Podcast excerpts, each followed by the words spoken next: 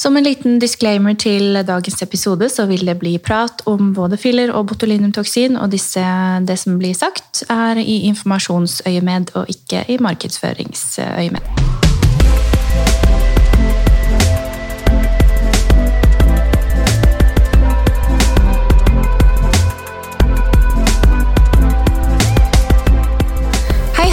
Hjertelig velkommen til en ny episode av Under huden med Hudsykepleieren. Dette er podden for deg som er litt mer enn middels interessert i hud, velvære og beauty. Og I dag har jeg fått med meg Ine fra TM-klinikken i Fredrikstad. Hun er eh, mamma til tre, hun er gründer og hun er et fantastisk drivjern som jeg gleder meg til å få høre masse om. Vi skal snakke om dette med viktigheten av å handle lokalt. Vi skal høre litt om sammenhengen mellom trening, psykisk helse, fysisk helse skal høre litt om Botox og filler, og etikken vi legger i det. Så hvis dette høres ut som noe som er spennende, så stay tuned. Og velkommen til deg, da, Ine. Tusen takk. Så hyggelig at eh, vi endelig får til å lage en pod sammen. Ja. Tusen hjertelig takk for at du stiller opp. Tusen takk for at jeg får lov å være med. Jeg syns det er veldig artig at du vil ha med meg. Skulle bare mangle. Kan ikke du fortelle litt om eh, hvem du er?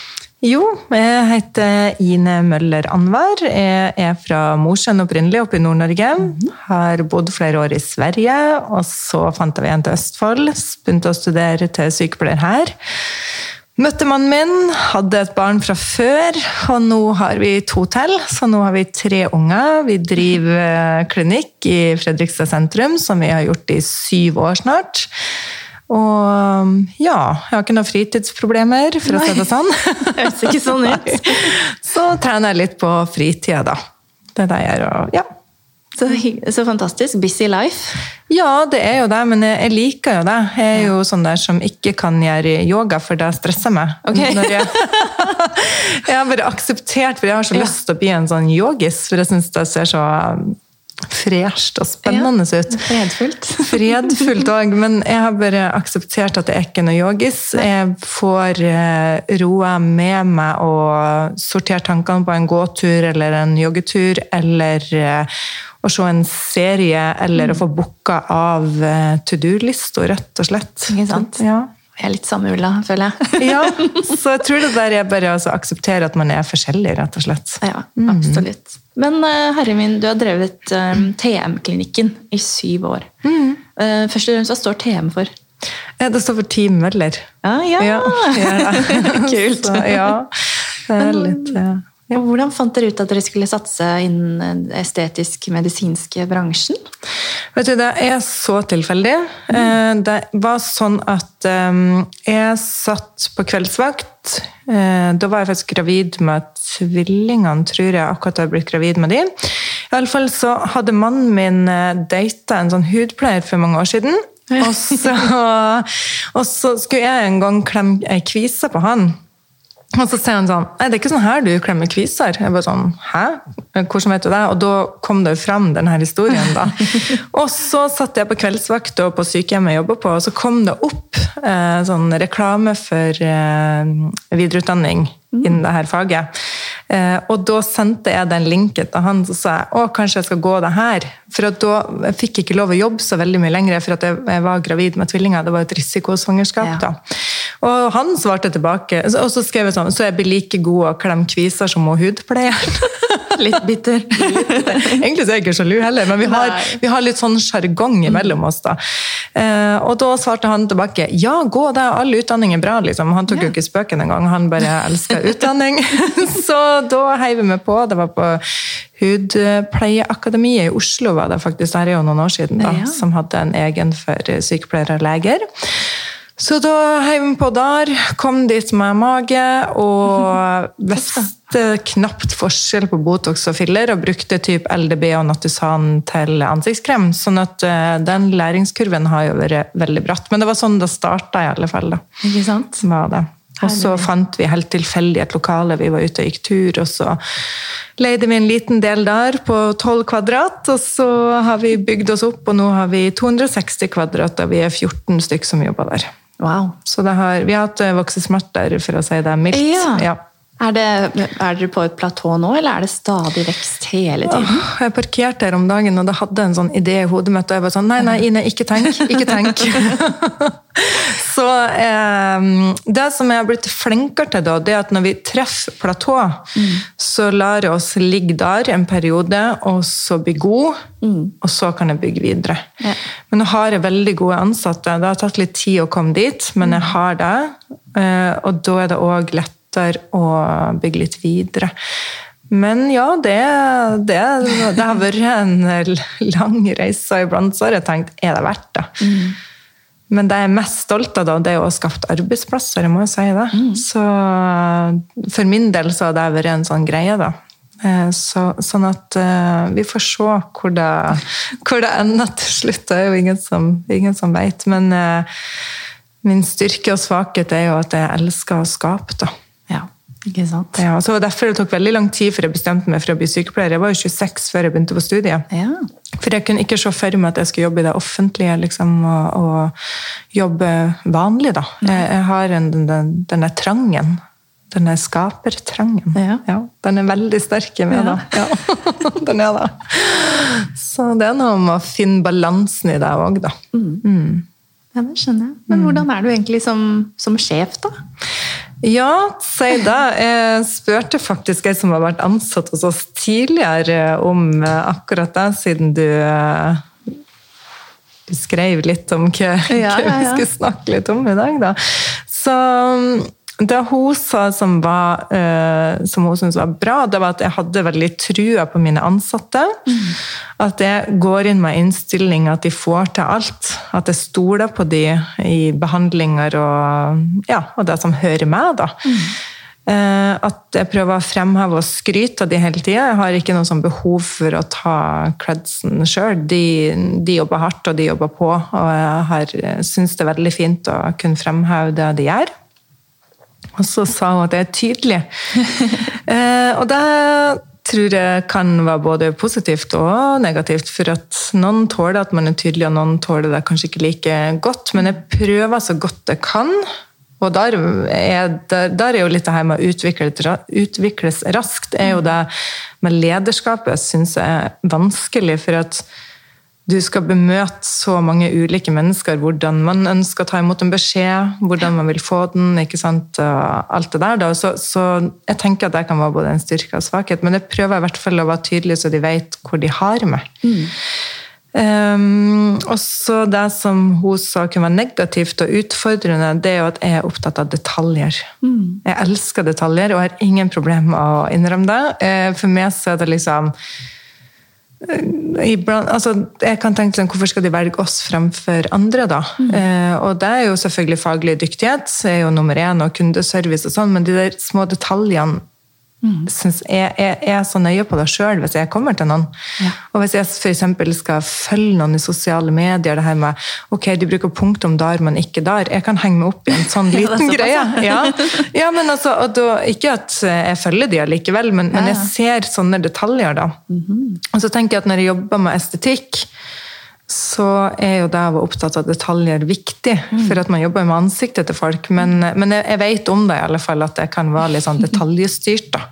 Så det nok, kan, kan, nok være en utfordring for de som jobber i nærheten av meg. Ikke sant? I hvert fall hvis man krever nesten det samme av andre som det man gjør av seg selv. Yes. Ja, og Det mm. gjør man jo ofte når man er litt sånn perfeksjonist eh, på ting. Ja, og da jeg prøver jeg òg å lære meg at den har den styrken og den har den styrken. At jeg prøver å finne liksom, hva, altså Alle kan ikke være opptatt av detaljer. Da får jeg ta den jobben, og så får noen andre ta en annen jobb. Mm. Og det håper jeg at, eh, at jeg vokser hele tida òg, som, som, leder, da. Mm. Men, eh, men, det er ingen lett jobb, jeg må si det. Det, det er en utfordring. Mm.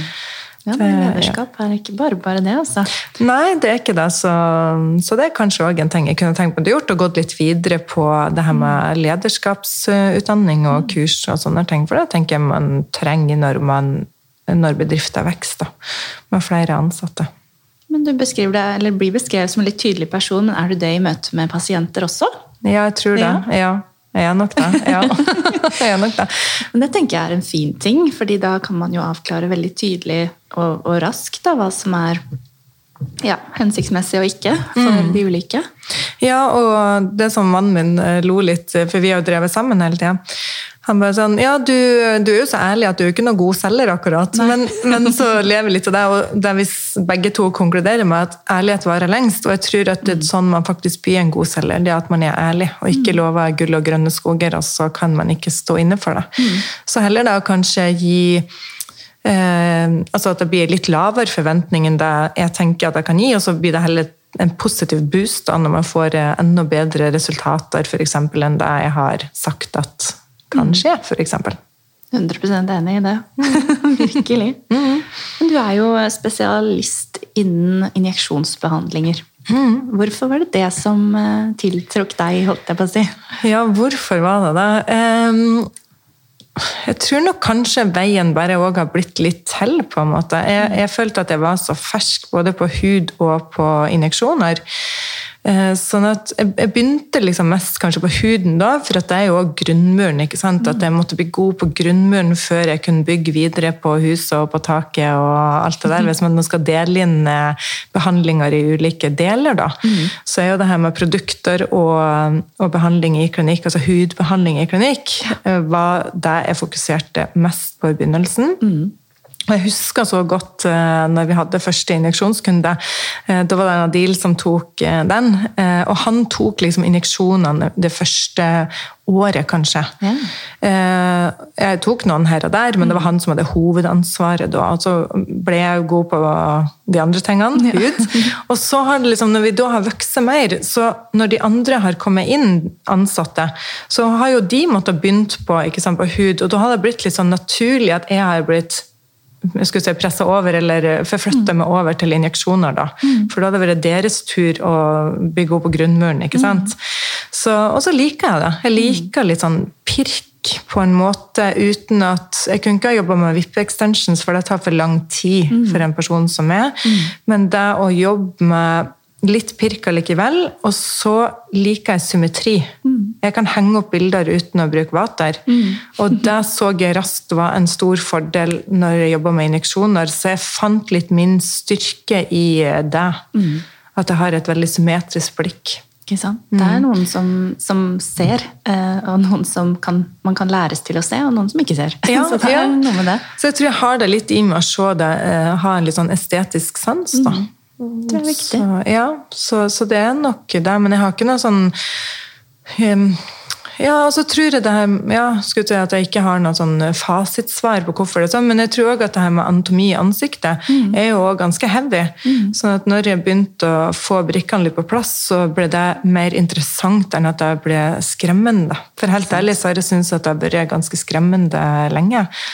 Eh, og komplikasjoner som kan skje med injeksjoner i forhold til f.eks. For hudbehandlinger. Nå er det jo ulike hudbehandlinger òg, men, men uh, peelinger og dermapen og sånn, så, så mm. følte jeg at jeg var mer trygg. Så det tok litt tid for meg å ta steget videre, for at jeg, har enorm, eh, et enormt behov for å føle trygghet. Ikke sant? Mm. Og, og, jeg tipper du også er en person som føler veldig på ansvaret overfor pasienten som sitter der. Veldig. ja. veldig og da bruker jeg tull med mine faste pasienter. Da. Så mm. ja, ja, det er angstnivået mitt på hva som kan gå gærent. da vet man at man er i trygge hender, for yes. at jeg er så redd for det hele tida. Mm. At det kan nesten bli sånn plagsomt for meg òg, da. Ja. Mm, det kan faktisk det, for at jeg jeg er så opptatt av det. Mm. Og det første året, det var jo helt eh, Altså når jeg begynte med injeksjoner, da, jeg tok jo noen, ikke sant, da, og da da, da brukte jeg mye tid på å tenke på hva som kunne gå gærent. Det har blitt mye bedre, ja. Eh, men, men eh, ja, men samtidig er det en stor styrke òg, for at man skal jo virkelig ha respekt for faget man driver med. Ja, ja, herre min. og det er jo på en måte noe man kan snakke masse om. Alt man kan påføre mennesker av ja, komplikasjoner i forhold til både Botox og fillerbehandlinger. Mm. Um, og, og, mange vet ikke, eh, dessverre. Og man mm. går rundt og jakter på den beste prisen, men så det, kan det fort bli ganske dyrt å, å ture innom feil behandler også. Ja. Men har dere mm, altså, Nå har jeg klinikk eller leierom i Drammen. Eh, mm. Der er det jo veldig mange som tilbyr behandlinger eh, i den typen, og mange er kanskje ikke skolert til det, og mange er veldig rimelige. Hvordan er det her nede? Eh, Det er en del av det. det er det. Jeg hører at det er en del som har litt sånn for Jeg merker det jeg merker ikke det egentlig sånn på sosiale medier at jeg ser noe reklame, og særlig sånt, men jeg merker det på at vi får pasienter som kommer for oppretting. Ja. Eh, Så der har, eh, har det vært en del som har vært hos ufaglærte, som har vært hjemme på sofaen hos folk, som har fått injisert ting som de ikke aner hva det er. Eh, som kanskje ikke får svar, for da er jeg veldig sånn på at da må du spørre hva det er, for jeg, jeg må vite hva som er injisert før jeg eventuelt kan eh, bruke motgift eller behandle det på andre måter. Da. Eh, Så ja, så det er en del, men jeg kanskje opplever at det er litt mindre nå enn det er. At, at det har hjulpet litt med at vi som står i bransjen, har eh, virkelig vært på ballen med at gå til helsepersonell. Ikke sant? Still spørsmål og undersøk litt bakgrunnen til den du går til. Og da prøver jeg å si, for eksempel så har vi veldig mye gode omtaler på Facebook, og det er meg rett, superhyggelig og veldig, veldig bra. Men gå til klinikken allikevel. Kjenne han eh, magefølelsen. altså det her med å stole litt på magefølelsen. Stoler du på behandleren? Altså, så, så undersøk grundig. Har de kunnskapen i orden? Føler du en connection, liksom at det her er et menneske som skal få lov å stikke i ansiktet ditt? Det handler jo faktisk om det. Ja, det handler jo om det. Mm. Altså, går du til en psykolog eller en coach eller hva det skal være, som du ikke har en connection med, så fortsetter du ikke der. Og jeg tenker det bør være likt hos en som jobber med hudhelse. Da. Ja, absolutt. Og altså, det er lov å si beklager, jeg har ombestemt meg, også som pasient, hvis Ja, man eh, sitter i en stol og har litt dårlig magefølelse. Ja, og samme som behandler, da. Mm, ja, Vi kan jo ha dårlig magefølelse på å behandle noen som kanskje ikke trenger det, eller som man tenker at det her er, Mm. har, de har forventninger de ikke kan innfri, eller urealistiske forventninger i det store hele til ei behandling. Eller at man tror at livet skal ordne seg med leppefiller hvis man er deppa. ikke sant? For det, det er så mye mer komplekst enn det. da. Hvilke etiske kjøreregler opererer du med? Sånn, uh, Ja, det der syns jeg er veldig spennende, så det er noe vi snakker veldig mye om i klinikken vår òg. For det der er vanskelig. Man driver en privat klinikk som eh, skal gå rundt. Samtidig så skal man ha de etiske og moralske verdiene sine i orden, da. Um, og så er det noe som jeg har lært meg etter å ha drevet noen år, det er jo at ulike mennesker, ulike etnisiteter f.eks. Jeg lever jo veldig mye i den pakistanske kulturen siden mannen min er pakistaner. Og mye for meg er ikke mye for kanskje mange av de, hvis vi ser på makeup, da. Altså det, det, det brukes så mye makeup på fester.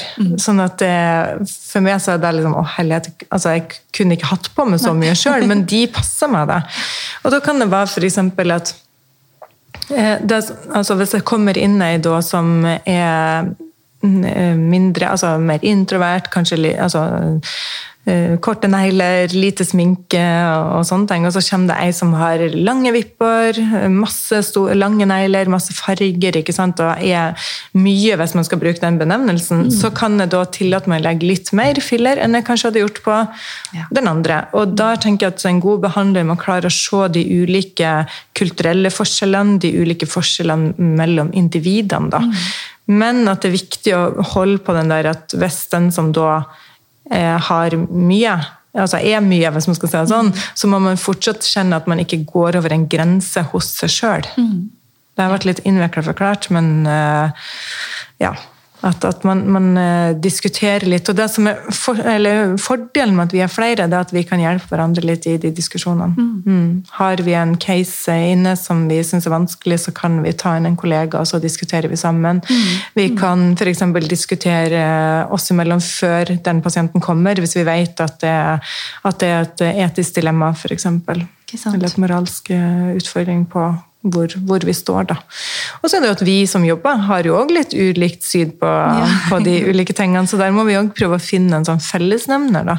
I hvert fall når du skal representere et, eh, et brand, Ja. rett og slett. Ja, ja, ja. Da kan man ikke kjøre solopilot da, altså. Nei, og der er vi jo ganske tydelige på hva vi forventer. Mm. Det jeg har hatt litt sånn i bakhodet, det er å tenke at det er min søster, mor eller datter som sitter i stolen.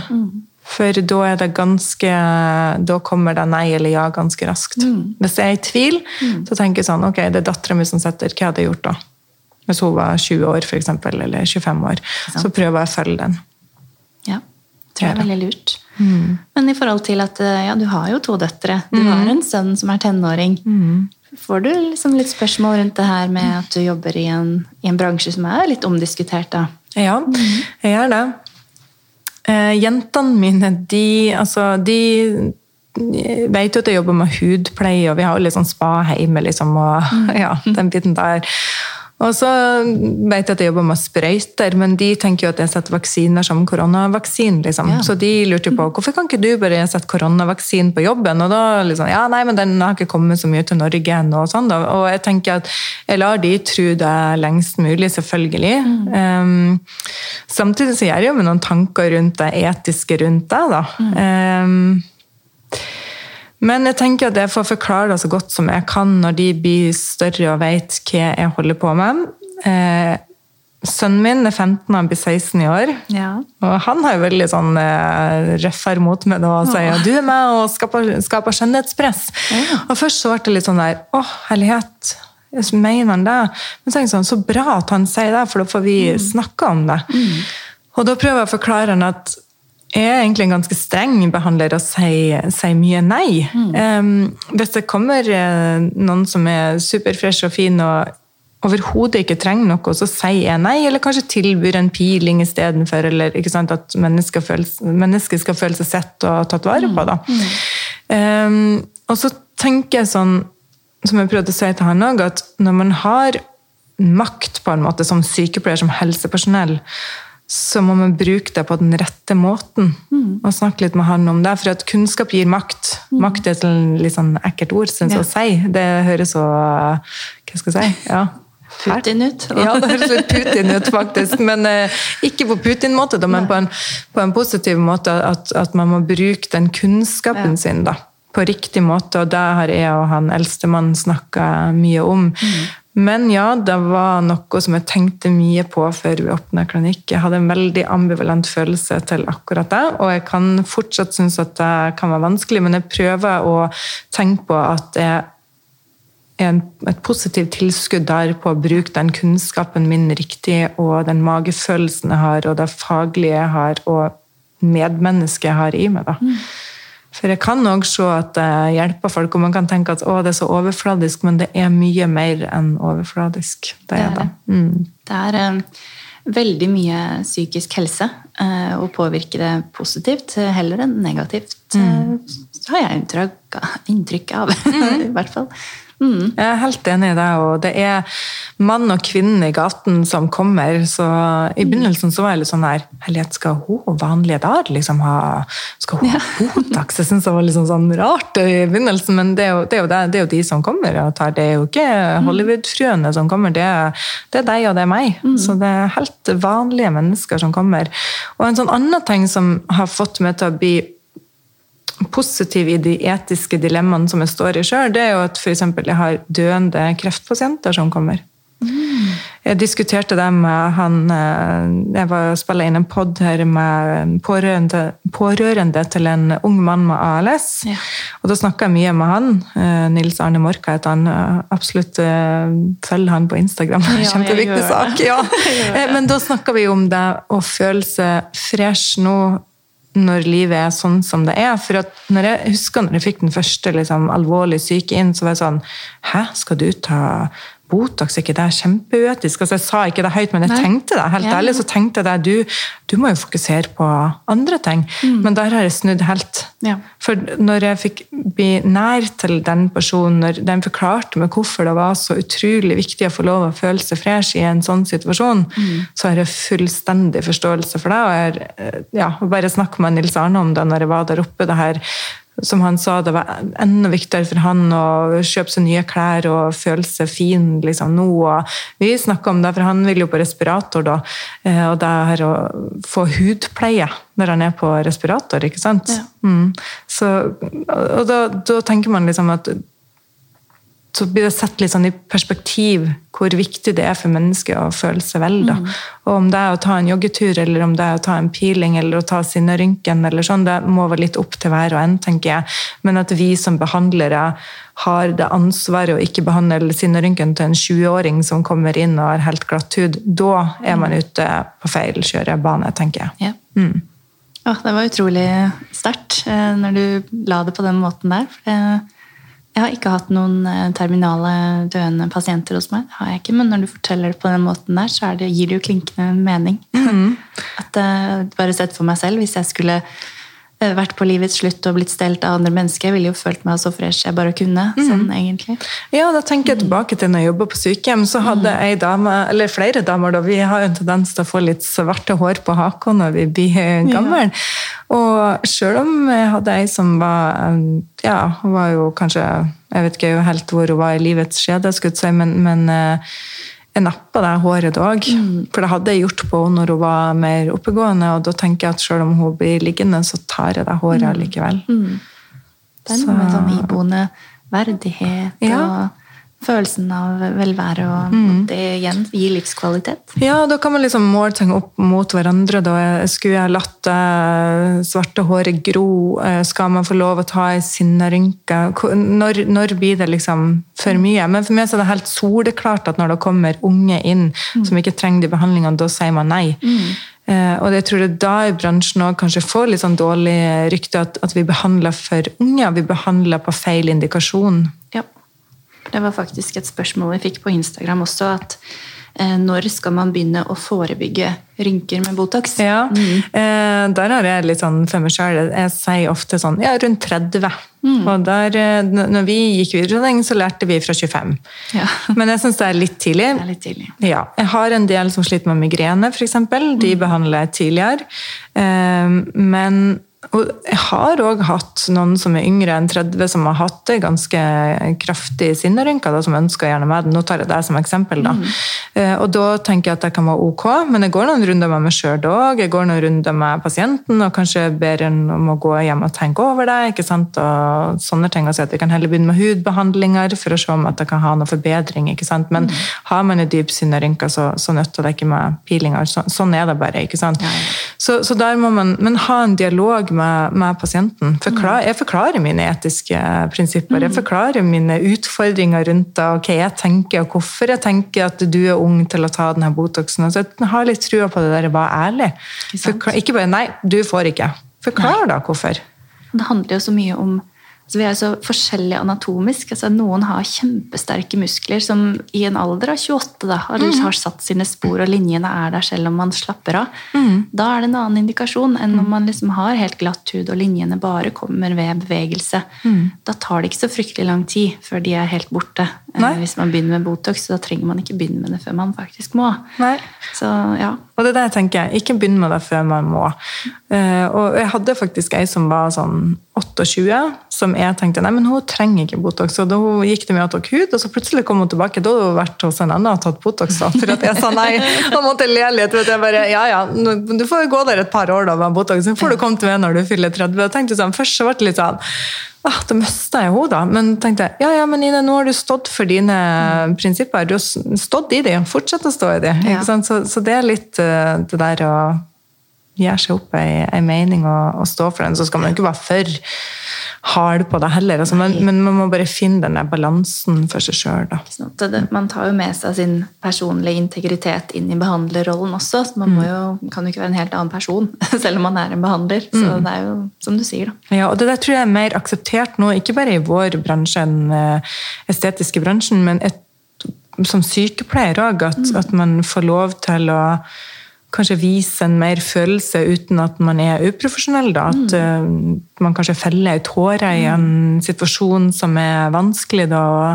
Ikke sant? Jeg kunne oppleve når jeg var helt nyutdannet, så var det veldig sånn, fokus på at vi skulle være profesjonelle. Da. Mm. Uh, og det er jo Misforstå meg rett, og skal man være, men at man er et medmenneske, og når noen, en pårørende for eksempel, er lei seg, om det kommer ei lita tåre da, så tenker jeg at det medmenneskelige er veldig viktig i, i, et omsorgsyrke som vi har både som sykepleiere på sykehjem og i den eh, estetiske bransjen. Da. Absolutt. Mm.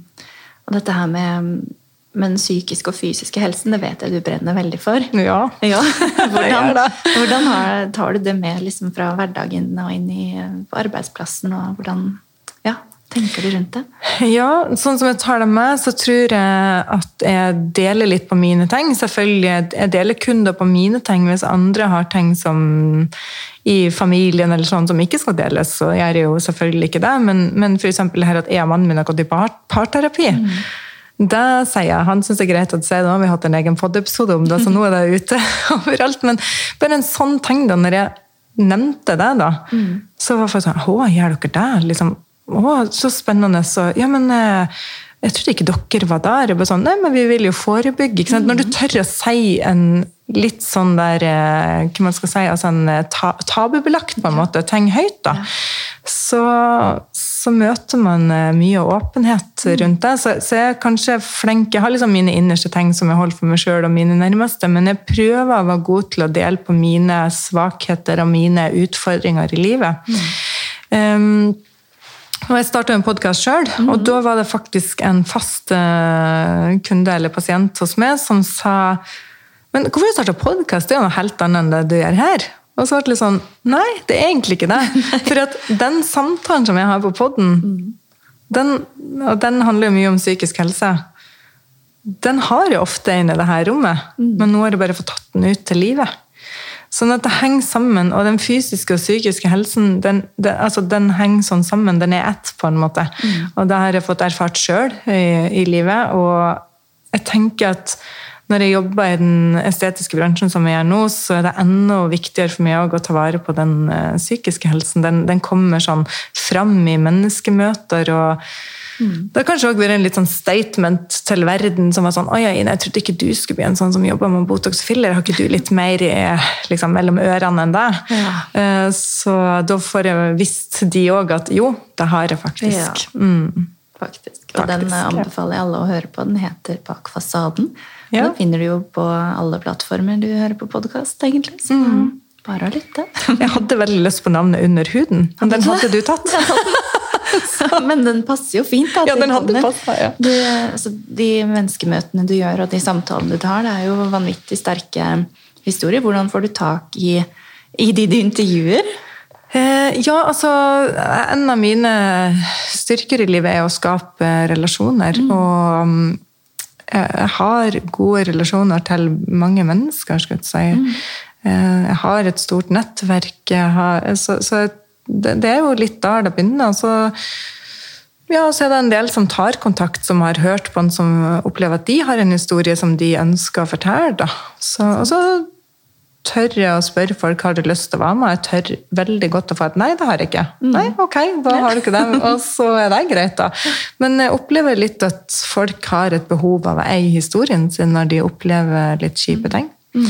Så, så, noen av de er jo folk jeg kjenner litt fra før. Noen er folk jeg har møtt gjennom andre, på en måte. og, og noen eh, jeg har fått anbefalt. Ja. At noen sender meg melding 'Å, jeg leste denne avisreportasjen. Eh, kanskje et tips eh, som du kan høre om han eller hun vil være med?' Så jeg har gjort litt sånne ting òg. Mm. Så det er litt godt og blandet. da.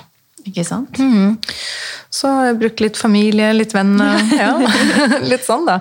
Og sånn som du, som er i bransjen, sendte melding til det og spurte vil du være med. og på en episode, så tenker jeg det er bare å, å spørre de man har lyst til å ha med. da. Ikke sant? Ja, nå har jo vi, vi har jo spilt inn eh, en episode hos deg i dag, men nå ja. er det hos meg. og Vi må jo travle damer utnytte muligheten. Ja, ja, ja. Det er jo kjempefint. Ja, det er det.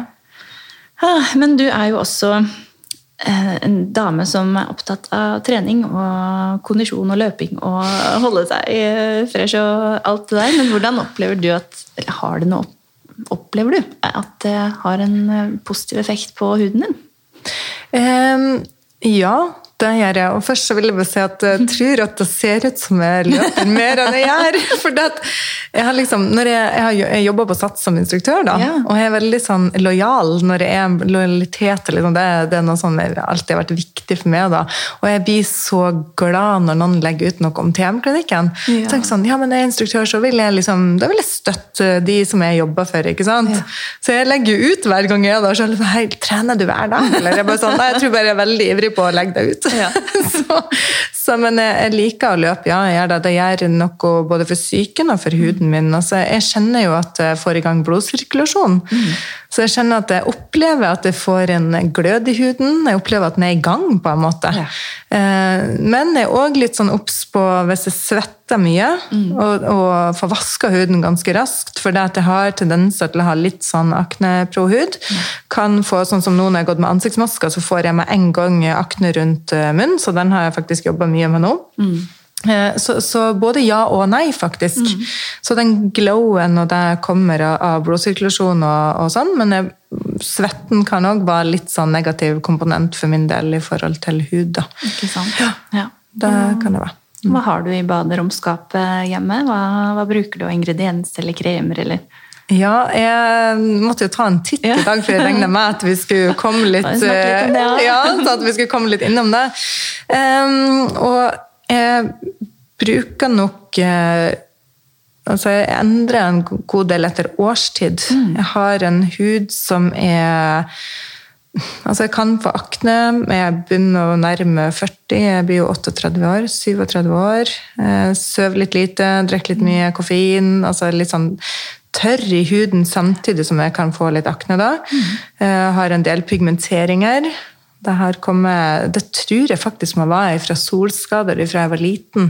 Ja. For vi, eh, vi reiste på charterferie fra Mosjøen. Liksom. Da var det kjørt til Værnes eller eh, Fornebu, som det Ja, heter på den tiden. Høres ut som det er 100 år siden. Så vi var jo Syden altså Vi hadde jo liksom ikke noe sol, og så ble vi bare sånn vilt soleksponert uten noe særlig faktor. Um, så jeg har dessverre òg fått pigmenteringer. For jeg har vært gravid ikke sant, uh, to ganger. eh, og jeg har ikke fått noen pigmenteringer da, men jeg har fått det i ettertid. altså Når tvillingene var sånn to-tre år, så fikk jeg pigmenteringer da. Og jeg har ikke vært noe god med solfaktor før jeg begynte på videreutdanninga for syv år siden.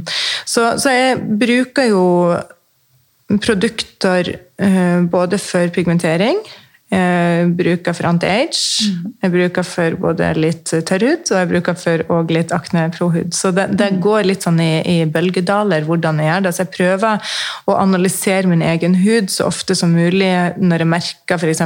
ok, nå får jeg litt eh, akne rundt munnen for eksempel, når jeg gikk med, eller går mye med ansiktsmasker. Så legger jeg fokus på det. Ja. Forebygge. Ja, forebygg. Øyekremer, Øyekremmer, for eksempel. Eh, Jeg er veldig glad i C-vitamin. Bruker mye for pigmentering og glød. Jeg bruker retinol stort sett hele året for anti-age, og det er jo òg med på cellefornyelsen. Få litt celleturnover og få eh, ny, fresh hud. Da. Mm. jeg bruker niacid Nå kan ikke jeg si det ordet, du får si det. Jo, niacinamid. Niacinamid. ja. Jeg er sånn, det, det kommer dere til å høre hvis man hører min pod. Jeg får alltid gjesten til å si de vanskelige ordene. Niacidamid. ja. Eller niacin. Jeg, jeg sier Niaktil, for det er det vi selger. Så, Ja. ja. Det, Det er produktnavnet. Ja. Det er produktnavnet. Ja, nå skal jeg ikke ha noe produktreklame her, men ja. Eh, Det bruker jeg òg mye. Det er en sånn eh, greie jeg har begynt med de siste par årene. Den syns jeg er veldig veldig fin altså, for å forhindre nye pigmenteringer. Mm. Så det har jeg brukt mye av. Så bra. Eh, Det jeg bruker aller mest og er mest nøye på nå, det er jo UV-beskyttelse. Yes. Og det har jeg lært meg det å kalle UV-beskyttelse. Jeg er så glad. Ja. Jeg er så glad for at du sier det Ja, det, det må sånn. jeg si i dag, ja. Eh, og det er jo for at jeg bruker mye tid på skjerm. Ja. Jeg bruker ikke så mye tid ute i sola. Jeg er nok den bleikeste bleike du kommer til å møte i ditt liv. Jeg er Du, så bleik. du ser jo meg. Ja, du er ikke så, ikke så brun, veldig solbrun, jeg heller. Nei, Så, så det er ikke at jeg ligger og koker meg i sola, men, men UV-stråling det får man overalt. Så jeg bruker alltid mellom faktor 30 og 50, og jeg fører på med et sånn pudderkost under dagen eh, hver dag når jeg er ute. Mm. Så jeg prøver å være god på det. Jeg prøver å være god på det med ungene mine òg, faktisk. Ja. Ja. Og bare det må jeg bare fortelle. Herlighet, når når jeg var liten, da, det er så sjukt å tenke på, så når vi skulle på charterferien, så vi var alltid i svømmehallen. Eh, og så var det sånn solarium der, så jeg husker jeg mora mi tok alltid sol vet du, før vi skulle på solferie. da. Jeg husker jeg var sånn fem-seks år og bare innlegg det litt i sola her i lammet, så får du litt grunnlag. De siste fem minuttene lå jeg i solariumet der. Husker det liksom lå og krøka meg inn der i lammet. Tenk å ha gjort det i dag. Det var helt sjukt, men vi visste jo ikke bedre. Nei. Det var jo, var jo godt, god mening at jeg skulle få litt brunfarger før vi for til Syden, for jeg ble jo alltid Måtte jo bade i T-skjorta etter to dager. Og vi vet jo i dag at det har jo null forebyggende effekt eh, whatsoever. Nei, Det er jo kanskje ikke så rart at jeg har pigmenteringer i dag, for å si det sånn. ja. Så ikke å anbefale. Ja. Ikke å anbefale. Ikke anbefale det. Nei. Men tilbake litt til produktbruk. Både du eh, og jeg, eh, begge våre klinikker, selger jo produkter online. Eh, på respektive online-butikker. Nettopp for å ta opp litt eh, så, Folk shopper på nett. Det har kommet for å bli, og spesielt nå under korona så må man jo bare henge med i svingene. Hva du har kanskje litt erfaringer med det at folk eh, tar kontakt for å få råd, men velger å handle et annet sted. Ja. Hvordan, hva tenker du om det?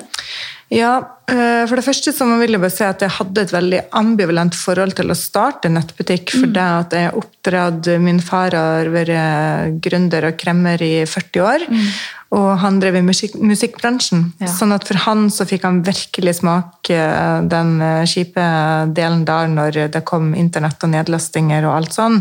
Så, og det her når kjøpesenter kom, ikke sant. Eh, At, eh, for han har drevet i i sentrum. Ja. Mm. Så, så det der å bruke nærmiljøet eh, Jeg er veldig opptatt av å, av å bruke eh, butikkene rundt meg som, som finnes i min by, for hvis ikke så blir de jo borte.